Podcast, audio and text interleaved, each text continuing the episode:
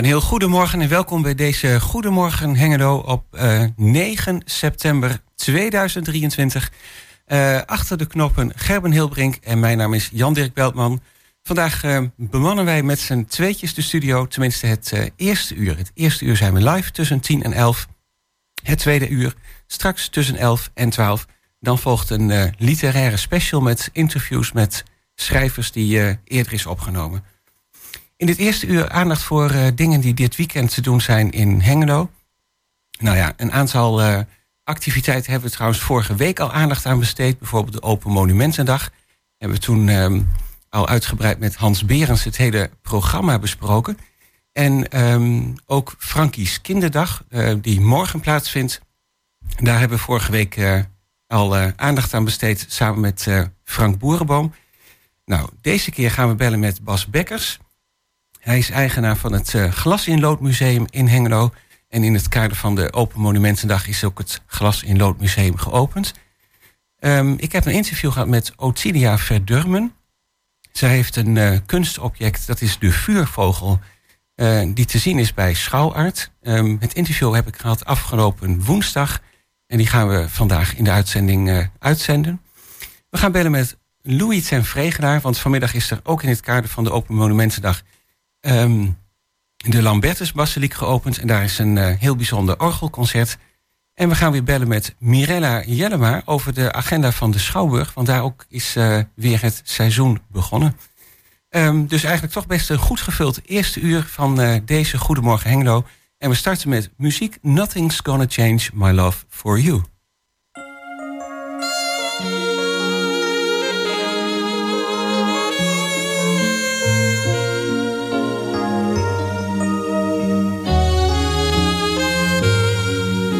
I had to live my life without you near me, the days would all be empty. The nights would seem so long.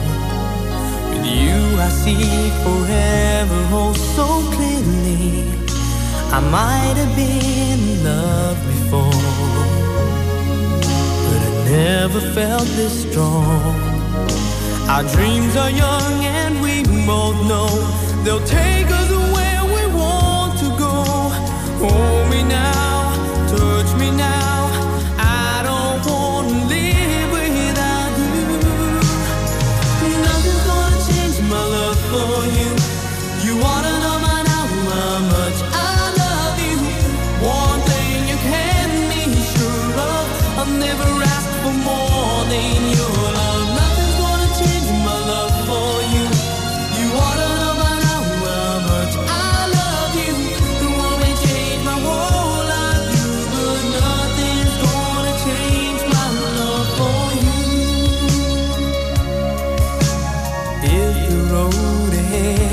not so easy, our love will lead a way for us, like the guiding star. I'll be there for you if you should need me. You don't have to change a thing. I love you just the way you are. So come with me and share the view. I'll help you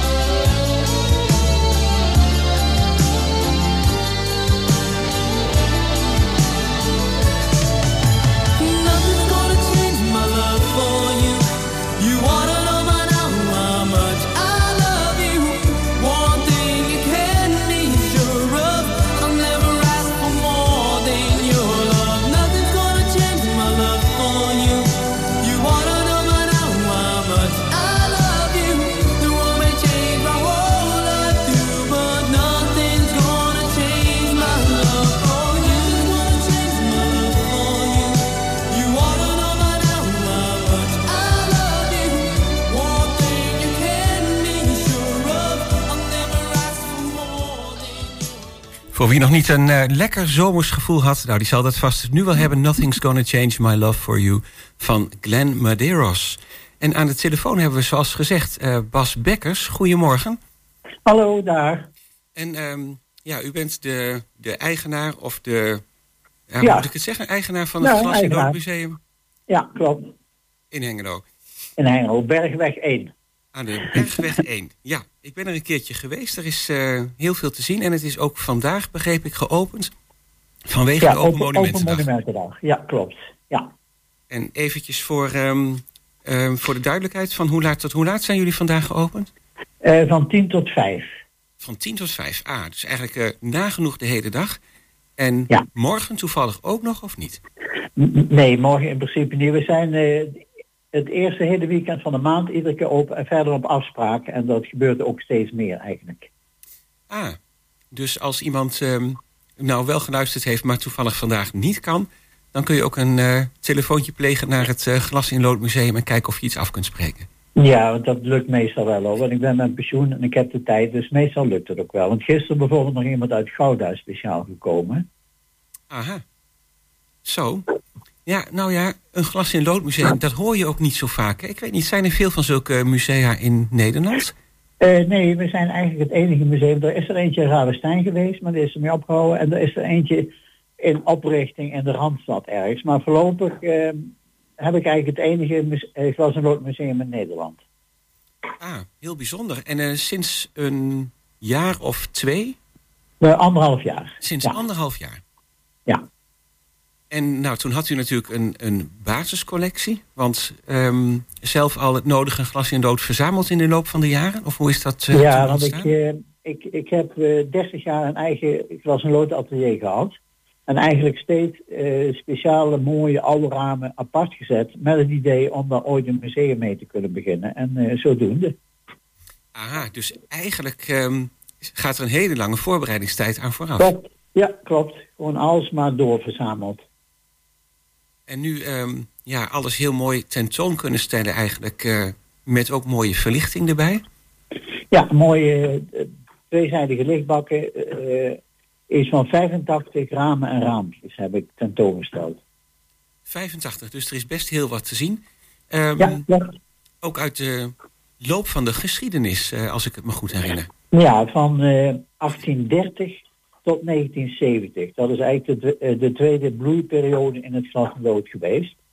En uh, misschien wel leuk om te vermelden, ik heb een paar weken geleden heb ik een, uh, een schenking gekregen van een Arnhemmer. Ja? Uh, sorry, van, een, van een, iemand die hier in Hengelo woont. Aha. En ehm, die had dat als nalatenschap van zijn ouders, had hij een verzameling oude uh, gebrandschilderde raampjes gekregen. En was op zoek naar een plek om, te, om ze mooi tentoon te kunnen stellen. En had daarvoor contact gezocht met de afdeling Heemkunde in Amsterdam. En die zei, weet je wat, ik zou eigenlijk gewoon eens in Hengelo moeten kijken. Want daar zit volgens ons sinds kort een glas- en loodmuseum. En zodoende is het dus uh, gaan lopen, is hij bij mij komen kijken. En heb ik een verzameling raampjes van hem kunnen overnemen. Waarbij er twee echt de uitsprongen, twee juweeltjes uit uh, 1648. Echt hele mooie raampjes. En die heb ik inmiddels ook alweer opgesteld in het museum.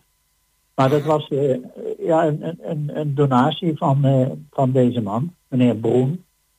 Nou, dat is, een, dat is een hele bijzondere donatie geweest dan. Ja, nee, wat ook wel leuk is, hij, hij zoekt dat dus ver van huis in Amsterdam. Ja. En blijkt dat hij uh, eigenlijk bij ons om de hoek woont. Die. Oh ja, dan werd hij weer doorverwezen op de, naar... Op de, Grundel, op de Grundellaan uh, woont hij. Ah ja, werd hij weer doorverwezen naar Hengelo. Ja, doorverwezen weer terug naar Hengelo. Ja. Het, uh, ja, het vredesjaar, hè? het laatste jaar van de 80-jarige oorlog, 1648. Ja. ja, de vrede van Münster. Ja, en uh, op zich is dat ook een heel opmerkelijk jaartal. Want dat is eigenlijk uh, ook een beetje het eind van de eerste bloeiperiode van het glas en lood geworden.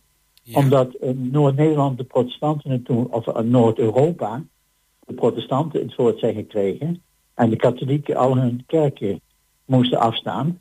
En daarmee kwam er dus ook een eind aan, aan, aan die bloeiperiode. Want de meeste ramen werden toch door de katholieke kerk besteld. En het was in één klap was het eigenlijk afgelopen.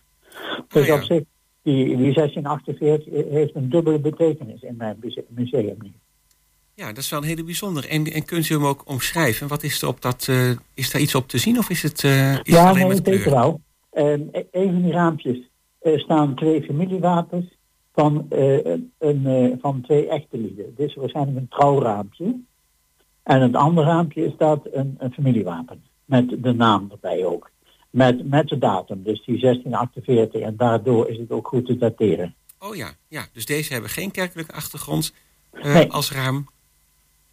Nee, want eh, die- ramen dus van 1830 tot 1970, de hoofdmoot, eigenlijk bijna de, totale verzameling, eh, zijn tien ramen zijn kerkelijk en de rest zijn allemaal profaan. Ah ja. Nou, en deze met een familiewapen ook, die hebben dan misschien in een adellijk huis eh, gehangen boven een Eh, deur eh, of zo? Zeer, eh, zeer waarschijnlijk. En, oh ja, en zeer waarschijnlijk ook eh, b- eh, boven de deur. En ook bij, bij winkels en zo was toch vroeger glas in lood wel gebruikelijk? Nou, maar niet in die tijd. Nee, nee, nee, nee, nee. toen nog niet. in die Nee. tijd. Nee. nee, dat is wel. eh, ik, ik heb er allerlei voorbeelden van, ook in het museum. Maar dan meer de periode vanaf 1830 kwam Ja, dat ja. in lang. Maar er is dus een hele slappe periode geweest. Tussen 1700 en 1800 werd er bijna geen behoorlijk glas en lood gemaakt eigenlijk. Nee, en daar hebt u dus in het museum ook eigenlijk niet wat van? Maar ja, vanaf, paar- vanaf eh, 1830 vooral weer. in- incidenteel, maar verder vooral eigenlijk 1830 tot het, het, het eind van de tweede bloeiperiode en dat was rond 1970. Ah ja, en het is dan toch de laatste pakweg 50 jaar weer een beetje uit de gratie geraakt? Eh, nou, sinds eh, 1985 is het eigenlijk weer eh, opgekomen. De belangstelling voor glas en lood, maar Ja. ook allerlei andere toepassingen van glas. En vooral in de hobbysfeer is het toen ook heel erg terechtgekomen. Maar eh, voor, Als kunstvorm. Ja, ja. En, en dan kun je, ja, de- veel luisteraars zullen het wel kennen, maar eh, de, de koperfoliemethode, de Tiffany-methode, glas eh fusen, dus versmelten van glas, glas appliqué, glas en beton, eh, nou, en, en nog een aantal vo- vormen van gebruik van glas. En glas en lood natuurlijk ook als, als basis eh, methode. Maar die andere methoden hebben het eh, bij veel hobbyisten eigenlijk overgenomen. Ja, ja. Nou, en dat hebt u natuurlijk niet in het museum, want het gaat vooral ook om het wat, eh, wat oudere werk. Ja, nou, eh, wel eh, een paar uitzonderlijk mooie exemplaren die eh, gewerkt hebben volgens de oude traditie ook. Want dat vind ik eigenlijk wel een voorwaarde dat het binnen de oude traditie valt. Ja, en dan is het misschien nog wel weer heel mooi om toch eventjes eh, bij stil te staan. Ja, ja zeker. Eh, mensen kunnen naar het museum komen. U bent gewoon geopend. Het is ook gratis toegankelijk vandaag. Gratis toegankelijk, ja. En ehm, dan kunnen ze met u ook, ehm, denk ik, langs verschillende panelen lopen en eh, wat informatie krijgen. Ja, want eh, als ze dat willen, ik, eh, ik kan eigenlijk bijna bij ieder raam heb ik wel een verhaal. Dus Oh ja. eh, ik, ik loop heel vaak met, met de bezoekers mee als ze dat willen. En hebt u dan ook nog zelf, als je daar nou zo langs loopt met een bezoeker, dat je af en toe nog dingen in je glas in loodramen ontdekt? Of dat een bezoeker ergens op wijst dat je denkt, nee, dat ik nog helemaal niet Zeker gezien. wel. Er zitten, soms zitten er hele scherpe observatoren bij, waar ik dan ook wel weer van leer. En bijvoorbeeld uh, afgelopen week eh, was er een vader met, met een zoontje. En die wist vooral van de Bijbelse ramen. Wel, Die wist hij zo ontzettend veel te vertellen. Dat was voor mij gewoon hartstikke nieuw. Dat, en dat was een jong van jaar of negen, denk ik. Oh ja, zo. Ja, zo kun je dus als, uh, als gids zelf ook nog... Uh, ook nog gewoon leren, ja. Precies, ja. Wat mooi. Um, nou, eventjes over vandaag. U zei al, het is geopend van eigenlijk vanaf dit moment mensen kunnen binnenkomen. En misschien lopen er, uh, zijn er al wel mensen op bezoek? Nee, nog niet. Maar ik, ik weet nog vorig jaar dat het uh, best wel druk kan worden op, de, op Open Monumentendag. Dat, uh, maar voorlopig nog even niet. Nee, maar er zijn natuurlijk veel mensen die naar verschillende dingen gaan. Op dit moment is ook ja. uh, volgens mij de opening in het Prins Bernhard plantsoen.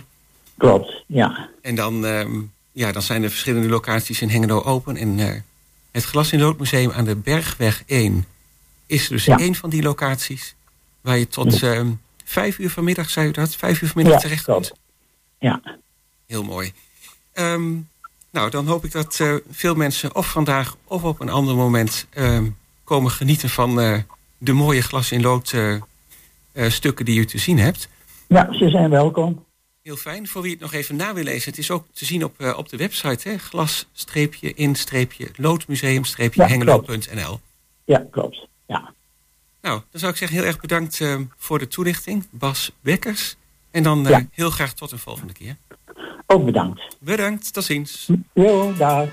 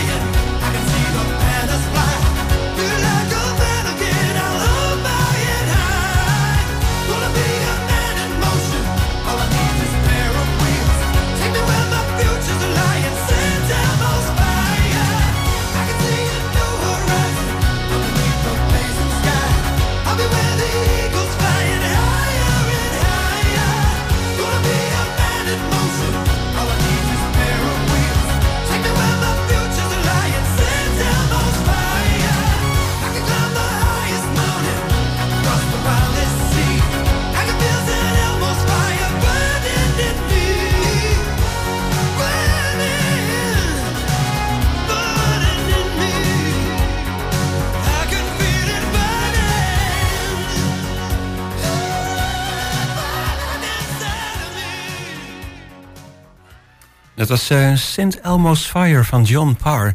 En eh, dan gaan we nu ehm, verder met een eh, interview dat ik afgelopen woensdag heb gehad met Otilia Verdurmen.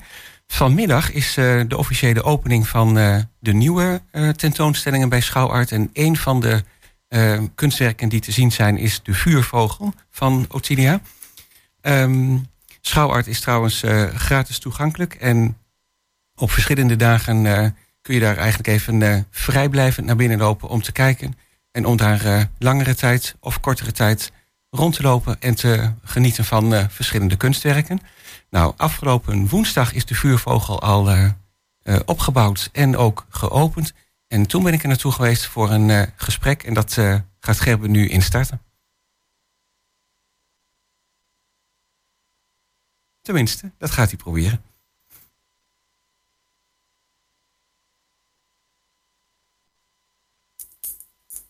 We zijn deze keer met dit interview niet live, want het is uh, woensdag 6 september. En ik ben hier met Otidia Verdurmen in de Schouwburg in Hengelo. Welkom. Hallo. Um, heel leuk dat je uh, mee wilt werken aan Goedemorgen Hengelo. We hebben net gekeken naar een uh, project wat hier te zien is en dat is de vuurvogel. Ja, dat is een heel dierbaar project voor mij. Ik kan rustig zeggen dat het ook echt wel een, een sleutelwerk in mijn totale oeuvre is. Um, ik ben, het is, beslaat een heel groot deel van mijn leven. En eigenlijk zijn de thema's die daar begonnen zijn nog steeds actueel voor mij tot op de dag van vandaag. Aha, nou, we hebben net um, even mogen kijken. En um, ja, de vuurvogel is een, een groot object. Eh, ik geloof iets van 6 bij 5 meter. Gemaakt van metaal, maar ook heel veel stof is erin verwerkt. En je kunt er uh, een tijdje naar kijken. Sommige mensen kunnen er zelfs uren naar kijken. Maar het is een cyclus van ongeveer 20 minuten. Um, waarin je als het ware kunt beleven. Ja, het, uh, uiteindelijk het verhaal van de vuurvogel, de mythe van de vuurvogel, komt in ontzettend veel culturen in allerlei mogelijke variaties voor. En het komt er eigenlijk op neer dat mensen altijd gezocht hebben naar wat gebeurt er na de dood? Is er nog iets wat overblijft? En de vuurvogel is een verbeelding van de eeuwigdurende cyclus van leven en dood. Ja, dit speelt natuurlijk in veel uh, religies, godsdiensten, mythes een rol. En de vuurvogel verwijst ook naar uh, de phoenix. Dat is de één en dezelfde. Ah, het is één en dezelfde. Nou gebruik je heel veel uh, textiel en stoffen bij. En ik las ergens, ja, daar ben je met je in je jeugd eigenlijk al mee in aanraking gekomen. Ja, mijn vader werkte in het textiel. Die was verkoopmanager van textielfabrieken. Ah. Dus die kwam altijd thuis met hele koffers vol met stoffen. En dan mochten wij als kind in knippen. En stof had voor mij iets magisch, want dat scheurde niet, zoals papier. Dus ik had altijd het gevoel dat ik dan iets creëerde wat bleef. En wat ook zo was, um, hij kocht de cents in en hij vertelde daar steeds over. En daardoor had een stof voor mij altijd een verhaal. Um, ja, ik heb altijd gewild dat die stoffen ook tot leven kwamen. Dus eigenlijk via poppenspel, waar ik in het begin van mijn loopbaan mee bezig was, kwam ik op deze vorm terecht. Aha, nou dan ben je daar inderdaad wel met je, vanaf je jeugd uh, ook mee bezig geweest. Je gebruikt trouwens ook andere materialen. Hè? Kunststof zit er ook in. Uh, uh, verlichting zit er natuurlijk ook nog in de vuurvogel. En die mythes, wanneer is dat gekomen? Interesse daarvoor? Ah, dat was eigenlijk ook al, altijd al zo. Um, ik, heb, ik heb het gymnasium gedaan en toen vond ik dat ook al verrukkelijk. Oh ja, dan moest je Grieks en Latijn, dus de oude Griekse verhalen. Ja, en wij hadden hele bevlogen docenten. Dus ah. daar luisterde ik ontzettend graag naar. En dat bestrijkt dan een heel groot deel van uh, de dag of de week. Want je hebt toch uh, zes uur Grieks en zes uur Latijn. Dus in een saaie schoolbank met 1500 leerlingen op het Jacobus College in Enschede. Ja, dacht ik aan uh, Grieken en uh, Griekse helden en geoliede lijven in sportscholen en dergelijke. Ja, en die hebben ook wel wat op jouw uh, beeldhouwkunst invloed gehad volgens mij. Zeker, maar dat is het project wat na de vuurvogel kwam. Toen heb ik me namelijk heel lang bezig gehouden met Penelope en Odysseus. Omdat ik het verhaal van Odysseus, dat is echt het oerverhaal van ons allemaal. En dat wilde ik heel graag tot leven brengen voor heel veel mensen. Want het is het eerste verhaal wat in de westerse literatuurgeschiedenis ooit is opgetekend. Ja, dat is dus een ander project van je. Een ander project. Misschien even terug naar de vuurvogel. Um, is al een tijdje geleden, al meer dan tien jaar geleden volgens mij, dat je begonnen bent met dit project. Um, maar die vuurvogel die heeft zijn naam ook echt uh, eer aangedaan. Je hebt uh, brand gehad in je atelier. Ja, dat is echt iets dat verzin je niet. Maar uh, ik had drie jaar aan de vuurvogel gewerkt. En ik stond eigenlijk nou, drie maanden voor mijn opening. En uh, toen verbrandde ons hele ateliercomplex, dus ook van andere kunstenaars. En ja, daar stond ik dan ineens en ik keek in het as. Er was gewoon echt helemaal niets meer. Nou, natuurlijk ben je dan eerst door de schok en het tempo waarin dat gebeurt, is zo groot dat je eerst uh, helemaal getraumatiseerd bent. Maar later mhm. dacht ik van nou, dan heb ik het kennelijk niet goed gedaan. Want eerst stond hij in een triomfhouding en het stond heel erg voor een nieuw begin en hoop en de vreugde van een nieuw begin. En toen dacht ik, nou, dan maak ik hem dood. Dan moet ik hem zeker doodmaken. En uiteindelijk heeft dat het thema van vergankelijkheid in mijn werk um, geïntroduceerd. Wat eigenlijk tot op de dag van vandaag ook in mijn beelden terug te vinden is. Ja, en dus eigenlijk ook in, in deze vuurvogel.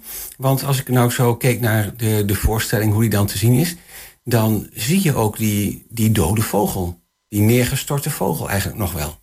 Het is op zich ongelooflijk dat uh, we hebben dus echt alleen maar de stalen constructie.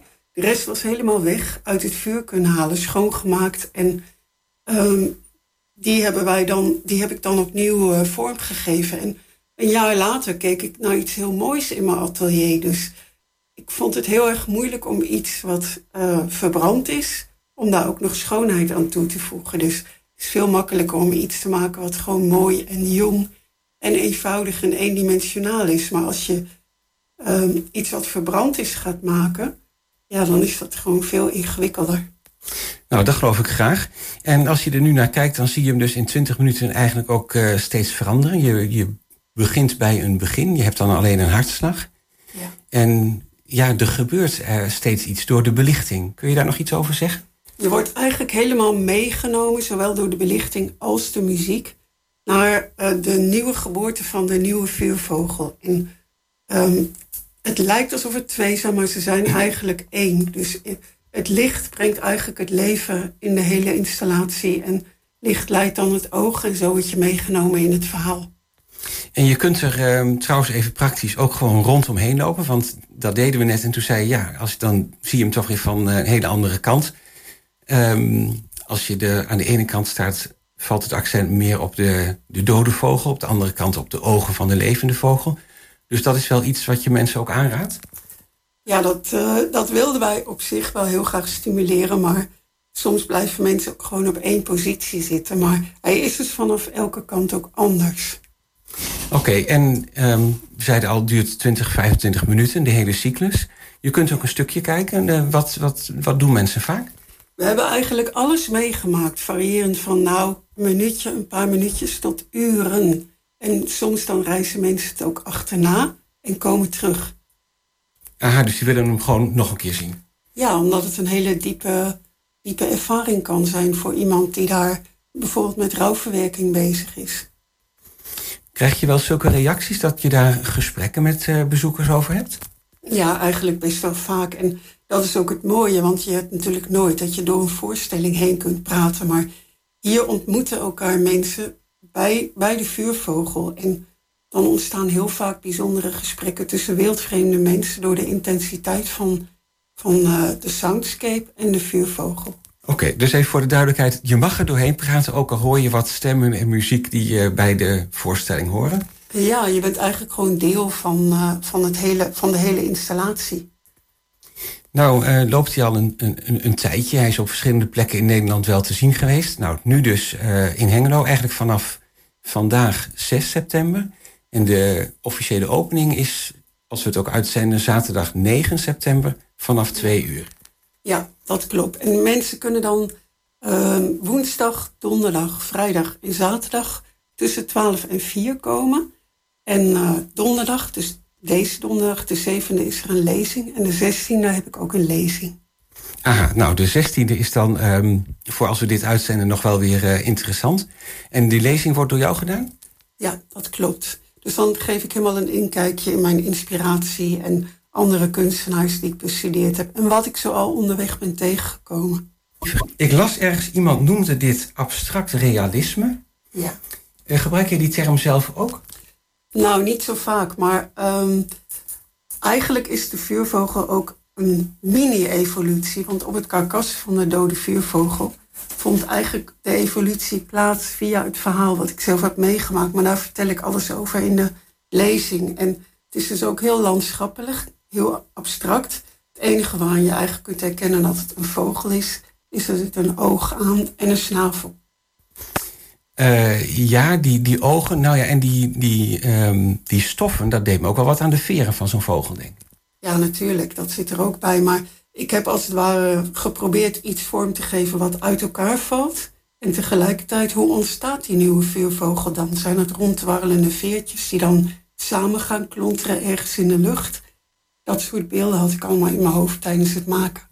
Ah ja, nou er blijft volgens mij ook gewoon um, voor de kijker zelf veel om in te vullen. Zowel van betekenis als van wat je nou precies ziet. Want jij zei, er zijn ook mensen die gaan meerdere keren kijken. Ja, dat klopt. Dus um, het feit dat het uh, vogels zijn geeft een houvast. Maar verder is de fantasie gewoon helemaal open wat je er zelf bij voelt. Dat is juist de bedoeling. Nou, reden genoeg lijkt mij om te gaan kijken. Um, vanaf, um, eigenlijk vanaf vandaag. En dan is het op woensdag, donderdag, vrijdag, zaterdag. Je zei het net al eventjes, van 12 tot 4 uur middags te zien in de Schouwburg Hengelo. En het is een onderdeel van Schouwaard. Ja, dat klopt. Die ben ik ontzettend dankbaar. Die hebben gewoon kunstenaars een fantastisch podium gegeven. En ja, dat is gewoon een geweldige gelegenheid. Omdat er natuurlijk in de Schouwburg heel veel mensen komen om met kunst in aanraking te komen. Nou, dat zal dan vast uh, deze keer ook uh, lukken met het project De Vuurvogel van Otinia Verdurmen. Nou, dankjewel voor je toelichting en uh, ja, veel plezier ook met de gesprekken met de mensen. Ja, dat zal wel lukken.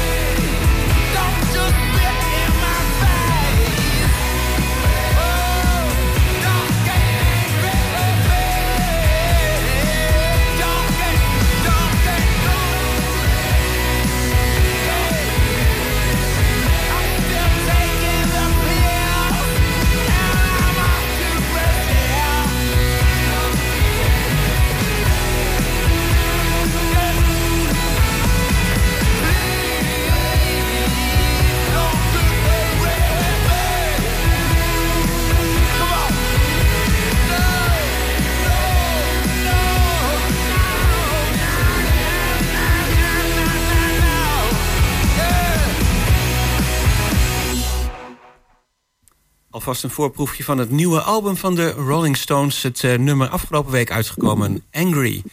En als het goed is hebben we aan de telefoon over um, een heel ander concert... neem ik aan vanmiddag, Louis en Vregenaar. Goedemorgen. Ja, goedemorgen.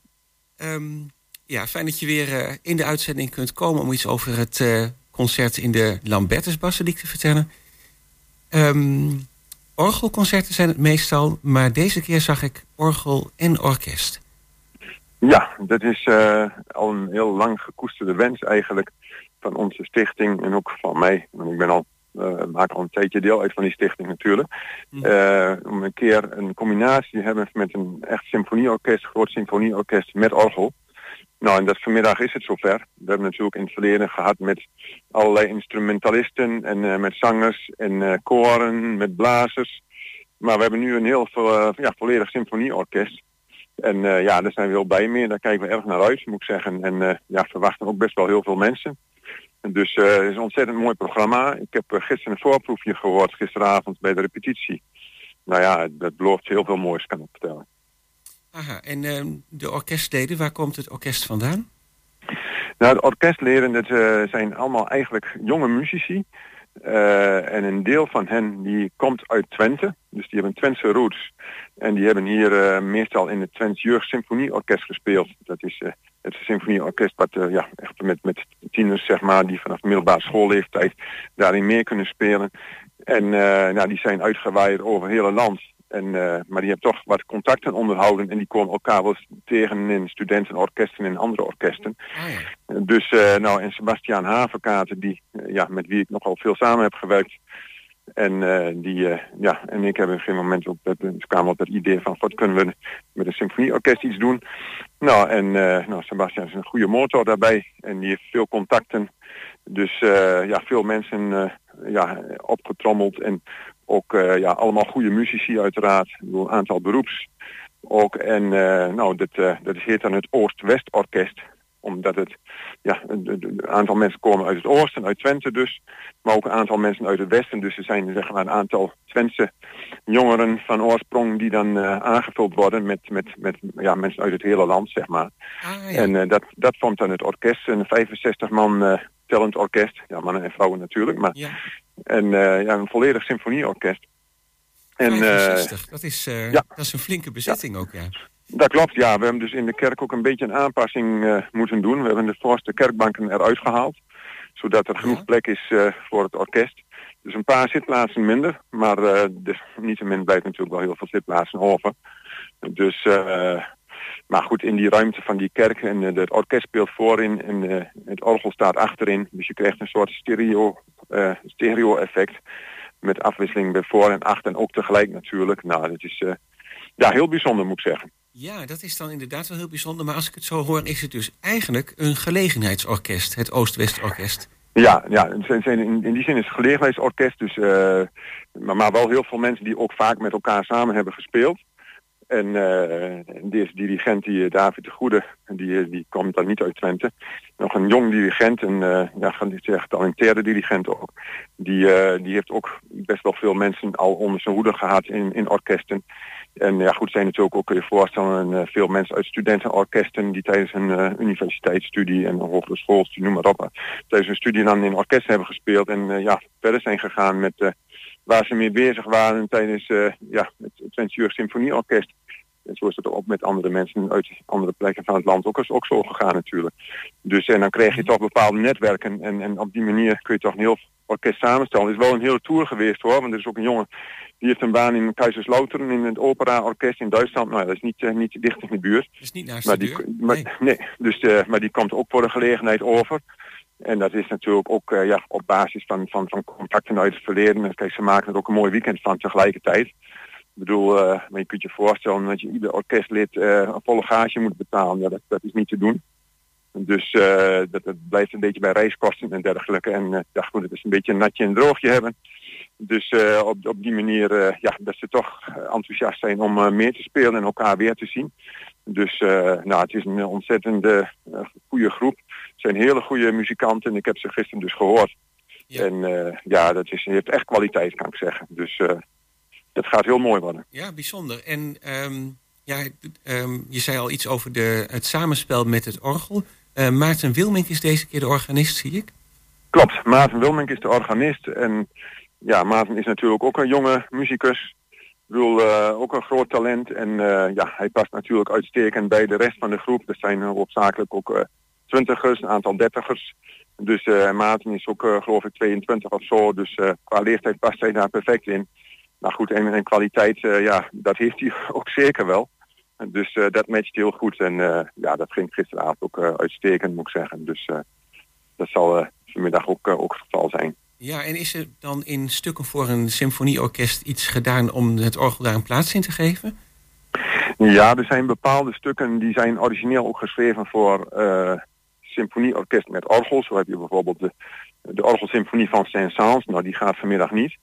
Maar uh, bijvoorbeeld uh, Frans Liszt heeft een stuk geschreven, de Hunenslacht heet het. En dat is ja, ook een stuk wat in Nederland zelden gespeeld wordt. Natuurlijk de combinatie een groot orgel en, en, en, en orkest komt natuurlijk ook niet al te vaak voor. En dat is een heel groot, ja, heel groot pompeus werk, zeg maar. Het verbeeldt dan een beetje een, een bepaalde slag met Romeinen en de Hunnen rond het jaar 450. Dat, uh, dat, dat, dat is een bepaald tableau is daarvan gemaakt en daar Frans Lies is weer daardoor geïnspireerd zeg maar, om dat in muziek om te zetten. Dus uh, ja, dat is een heel indrukwekkend stuk ook, moet ik zeggen. En dan uh, komt er een intermezzo met koperblazers. En dat hebben we vaker gehad natuurlijk. De koperblazers die gaan die plaatsen zich dan achter naar de kerk, zodat ze dichter bij het orgel staan. En het koper, ja, koperensemble en orgel, dat, dat ligt wel een beetje in elkaars verlengde ook van, van, van, van klankwerelden, zeg maar. En uh, dat is het intermezzo. En dan het slotstuk, dat is de, de, het grote werk zeg maar, van de middag. Dat is de tweede orgelsymfonie van uh, Alexandre Guillemot. En dat is echt een romantische orgelcomponist die in zijn tijd ook grote roem vergaarde met zijn uh, spel, grote virtuoos. En heeft ook prachtige romantische composities uh, geschreven. Nou, dit is er eentje van. Het is een uh, oorspronkelijk stuk voor orgel geschreven, maar hij heeft het later bewerkt ook voor met orkest erbij. Nou goed, daar heb ik dus gisteren een groot deel van gehoord. En oh ja. ja, het was echt indrukwekkend, moet ik zeggen. Dus, Oké, okay, ja, dus ja, er bestaan ook echt voor deze combinatie geschreven stukken. Dat is wel bijzonder absoluut. dat je die dan uh, ja, absoluut. Ja, gevonden hebt. Ja, nee, absoluut. Die zijn, die zijn er ja, niet legio, maar er zijn er wel een aantal, zeg maar. Uh, gewoon componisten die voor orgel en orkest geschreven hebben. Eigenlijk in de tijd van Haydn had je al orgelconcerten. Hendel natuurlijk heeft een aantal orgelconcerten. Dat is voor kleiner orkest natuurlijk. Maar ze zijn er ook voor groot symfonieorkest. Dus uh, dat, is, uh, dat, dat komt meer voor. En ik kan even vermelden dat dat tweede stuk, dat is van Wagner. Dat is uit de Lohengrin opera komt dat. De, en dat, dat heeft Sebastian Havenkaarten bewerkt voor koper en orgel. Dus uh, eigenlijk is dat ook voor heel orkest, maar uh, hij heeft dat dus uh, bewerkt voor koper en orgel. Ja, goed, oh ja, dat, dat was het, uh, het tussenstuk eigenlijk waarover je vertelde ja. van de koperblazers. Het, het intermezzo, inderdaad, ja. Klinkt veelbelovend, Louis. Ja, absoluut. Ik, ik, zie er ook echt naar uit, moet ik zeggen. En ik denk, ja, het is wel warm weer, maar ik verwacht toch wel heel veel mensen, moet ik zeggen. Want uh, ik heb al heel veel mensen gehoord die nog niet altijd naar een concert gaan. Die zeggen, nou, hier wil ik wel naartoe. Ja, dus, ja, ja. zeker. En uh, ja, vorige keer zeiden we ook, in de kerk is het wel even lekker koel. Cool. Ik denk dat het ook nu Klopt, nog zo ja. is. Ja, in de kerk is het wel iets koeler dan buiten, zeker. Dus, dus wat dat, dat kan ook wel heel prettig toeven. zijn. Ja, ja zeker. Um, vanmiddag vanaf drie uur tot rond kwart over vier? Mm, ja, ik denk een uurtje hoor. Van okay. drie tot vier denk ik dat het programma duurt. Dus, en dan is de kerk open vanaf half drie, denk ik? Half drie is de kerk open, ja. Inderdaad. Oké, okay. toegang zoals gebruikelijk uh, ja, vrij? toegang en, is, is weer gratis, ja. Vrije gift bij de uitgang wordt wel uh, op prijs gesteld, neem ik aan. Zeker weten, ja. Heel mooi. Ja, dat is eigenlijk een beetje in de lijn van de, van de andere orgelconcerten... die er de hele zomer zijn geweest, uh, natuurlijk. Dat klopt, ja. Dit concert brengt natuurlijk wel veel extra kosten met zich mee. We hebben hier en daar wat, wat subsidiegevers. Uh, die zijn ook vermeld in programmaboekjes. Maar anders zou het absoluut niet kunnen. Ik bedoel, uh, ja, gewoon kijken ze alleen naar transport en noem maar op. En, en, en, en uh, ja, gewoon een aantal faciliteiten moeten in orde. Dus, maar goed, we hebben het voor elkaar gekregen. We hebben een heel ja, zuinig budget aangehouden. Maar het, het, het concert zal er niet minder om zijn. Nou, heel mooi. Uh, ik hoop dat er heel veel mensen van uh, gaan genieten vanmiddag vanaf drie uur in de Lambertusbasiliek. En uh, ja. ja. heel erg bedankt dat je eventjes in de uitzending kon komen. Ja, graag gedaan. Oké, okay, bedankt. Tot ziens. Ja, dag.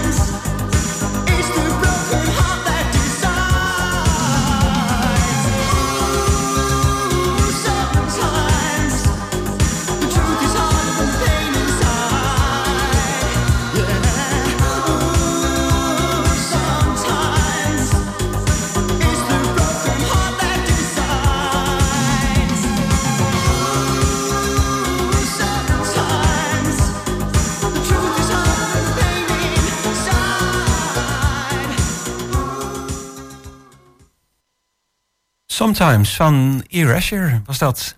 De Schouwburg Agenda. De Schouwburg Agenda. Met Mirella Jellema. Ja, terug van weg geweest zijn we met de Schouwburg Agenda. Met aan de telefoon, uh, zoals de jingle al zei, Mirella Jellema. Goedemorgen. Goedemorgen. Nou, leuk om je weer uh, te spreken in de uitzending. Ja. Um, ja, eigenlijk met de aftrap van, uh, van het nieuwe seizoen, hè? Ja, dat klopt inderdaad. We zijn uh, gisteravond weer begonnen met, uh, met het nieuwe theaterseizoen. Uh, gisteravond stond Joep van het Hek op het podium met zijn laatste ronde. en dat doet hij vanavond nog een keer. Ja, en daar is een wachtlijst voor, zie ik. Dus de kans dat je daar nog naartoe kunt is niet zo heel erg groot. Nee, klopt inderdaad. Joep van het Hek is natuurlijk een, een grote naam waar mensen heel graag naartoe willen. en het is de laatste keer. Hij is bezig met zijn afscheidstournee. Dus de animo was heel groot. Uh, vandaar dat inderdaad de voorstelling al uh, een aantal weken is uitverkocht. Oké, okay, nou dat doet hij dus eigenlijk heel goed. Um, en vanavond dus voor mensen die al wel een kaartje hebben. Ja, klopt. Ja, en verder hebben jullie uh, voor komende week wel een paar dingen op het programma staan. Maar het echte volle programma, dat moet nog komen, denk ik. Ja, dat klopt inderdaad. we beginnen wat rustiger. Dat komt ook omdat in de middenzaal van onze schouder natuurlijk de vuurvogel ligt. Uh, volgens mij is dat natuurlijk al wat te sprake gekomen, deze uitzending. Ja, dat klopt. Uh, dat maakt inderdaad dat we uh, in de middenzaal de komende weken geen voorstellingen uh, hebben. En inderdaad in de grote zaal stapt het ook rustig op. Ehm, we hebben inderdaad op donderdag 14 september, dat is inderdaad volgende week donderdag, de eerste voorstelling bij ons in de grote zaal weer. en dat is van Psychologie in het Theater. zij komen met de voorstelling Dichterbij. Uh, en dat gaat, gaat eigenlijk over de liefde en, uh, en dat over elkaar leren begrijpen. Dus het, ja, ja, relatietherapie wil ik het niet noemen, maar het gaat er inderdaad wel om, uh, om te leren over hoe relaties in elkaar zitten en wat je kunt doen om de liefde mooier te maken. Aha, ja, dus ehm, niet echt een theatervoorstelling, maar wel iets wat thuis hoort in het theater. Hoe moet ik het zien? Ja, dit is inderdaad uh, een gezelschap. Zij uh, hebben zowel voorstellingen gebaseerd uh, met wat het met dementie te maken heeft, maar ze hebben inderdaad ook voorstellingen wat met psychologie te maken heeft. Ja. Waaronder deze voorstelling dichterbij. dus er worden daadwerkelijk scènes gespeeld. en dat wordt dan weer geanalyseerd. En als koppels kun je daar dus weer veel van leren, is wat wij stellen. dus we gaan inderdaad een mooie voorstelling maken met ja, bijzondere scènes waar je dus als man en vrouw weer dingen uit kunt leren om je eigen relatie weer mooier te maken. Ja, nou dat is wel een hele bijzondere voor de donderdagavond, dus uh, 14 september. Ja, klopt. Uh, en dan hebben we inderdaad uh, pas op donderdag 21 september weer een voorstelling bij ons in de grote zaal. dus daar zit nog een gat tussen. Wat ik nog wel even wil benoemen, we hebben ook natuurlijk een leuke samenwerking met Cultuurhuis Borne. Uh, Daar speelt op 12 september uh, De Goede Tukkers. Dat is een uh, gezelschap van Thijs Kemperink, André Manuel en Ennis Beuving. En maar wat ook leuk is om te benoemen... zij hebben op een vrijdag 15 september een concert van Chris Jagger. En dat is de jongere broer van Mick Jagger. Die okay. we natuurlijk allemaal wel kennen van ja. de Stones. Ja, zeker. Ja. Deze man die leeft een rustig leven in Engeland. is boer, maar ook singer-songwriter. En dus af en toe komt hij naar Nederland voor een kleine tournee. Uh, en hij doet daarbij ook Culturis Borne aan. Uh, dus dat wordt een hele mooie muzikale avond met uh, een beetje bluegrass, Amerikaanse volk. en hij wordt daarbij ondersteund door een Friese band, de Kentucky Snake Oil. Um, dus dat wordt een hele mooie muzikale avond. dus heel ja. bijzonder. Borne is heel trots dat we deze op hebben kunnen nemen in de programmering. dus ja, een, een fijne avond waarbij ook veel anekdotes en verhalen zullen zijn. Uh, en hij geeft zelf ook in interviews aan van, weet je, hij is niet jaloers op zijn broer, behalve dan op zijn haar. Oké. Okay. En hoe heette deze uh, beroemde, nou, broer van de beroemde Mick Jagger ook alweer? Ja, Chris Jagger. Oké. Okay. Um, ja, nou, het muzikale zit dan blijkbaar toch in de familie. Ja, ja dat zit uh, schijnbaar echt in de genen. Dus dat uh, Borne is heel blij dat we deze naar Nederland hebben kunnen halen. Dat ze opgenomen zijn in uh, zijn kleine tournee. Uh, dus dat is niet in samenwerking met ons geprogrammeerd, maar wel leuk om even te benoemen in deze uitzending. Ja, zeker. En jij zei daarbij dat was uh, vrijdag 15 september. Ja, klopt. Oké, okay. uh, wat de Schouwburg betreft, is er nog een, een hoogtepunt van het komende seizoen dat je zegt, nou dat wil ik alvast even zeggen, want dat is wel heel bijzonder dat dat bij ons op het programma staat? ja, nou, we hebben natuurlijk eigenlijk alleen maar bijzondering. Wat ik wel even kan benoemen, dat is het dansgezelschap Iron. Uh, dansgezelschap Iwan is van uh, X-Dance. Zij stonden afgelopen, nee, vorige week vrijdag uh, bij Half Got Talent, het auditieprogramma op televisie, ja. deden ze mee. en ze zijn direct door naar de halve finale, omdat een van de juryleden ja, de zogenoemde Golden Buzzer indrukte. dus dit dansgezelschap werd zeer lovend bekritiseerd door Dan Garrity van de jury. en dit nieuwe dansgezelschap gaat op 6 oktober bij ons in première met de nieuwste voorstelling Aandacht. En ze spelen ook twee try-outs. Dus voor de mensen die het leuk vinden om uh, ja, lokaal supertalent te zien... Uh, raad ik aan om alvast kaarten te kopen voor een van hun voorstellingen op 4, 5 of 6 oktober. Uh, want ja, hun deelname aan Half Talent maakt dat het een grote vlucht gaat nemen. En ze staan daar dus al in de halve finale. Ja, om dat wat je op tv hebt gezien ook eens even live te kunnen zien. Ja, ja, want weet je, dans live maakt nog zoveel meer impact... dan dat dat doet als je inderdaad voor je schermpje zit. Uh, dus ik kan het zeker ja, aanbevelen zeker. om deze hengeloze makers uh, ja, een steuntje in de rug te geven door een kaartje te kopen. Ja, nou leuk dat je die alvast uh, eventjes noemt. En bedankt weer voor ja, je verhalen over de agenda. Volgende week bellen we graag weer. Helemaal goed. En dan weer op de gebruikelijke ja. tijd in het tweede uur. Helemaal goed. Oké, okay, dankjewel. Fijn weekend. En daarmee zijn we ook bijna aan het einde gekomen van dit eerste uur. Goedemorgen Hengelo, dit live uur. Het tweede uur straks niet live, maar dan zijn er eerder opgenomen interviews met uh, schrijfsters. Anneloes Timmerijen, Brecht Rijnsema en Michelle Visser. Daar kunt u naar luisteren uh, tussen 11 en 12. Overigens zijn um, interviews met schrijvers ook te beluisteren via Goedemorgen Literair. Goedemorgen Literair is te vinden op Spotify en ook op de website van 120. Daar proberen we interviews met schrijvers die in het programma zijn geweest apart neer te zetten. En er zijn inmiddels um, twintig interviews met schrijvers. Heel veel uh, vaak uit Hengelo of uit de regio uh, Twente te beluisteren. Nou, eh, wat mij betreft eh, het einde van dit eh, live uurtje. Heel erg bedankt voor het luisteren. Ehm, heel graag tot de volgende keer en een eh, heel fijn weekend.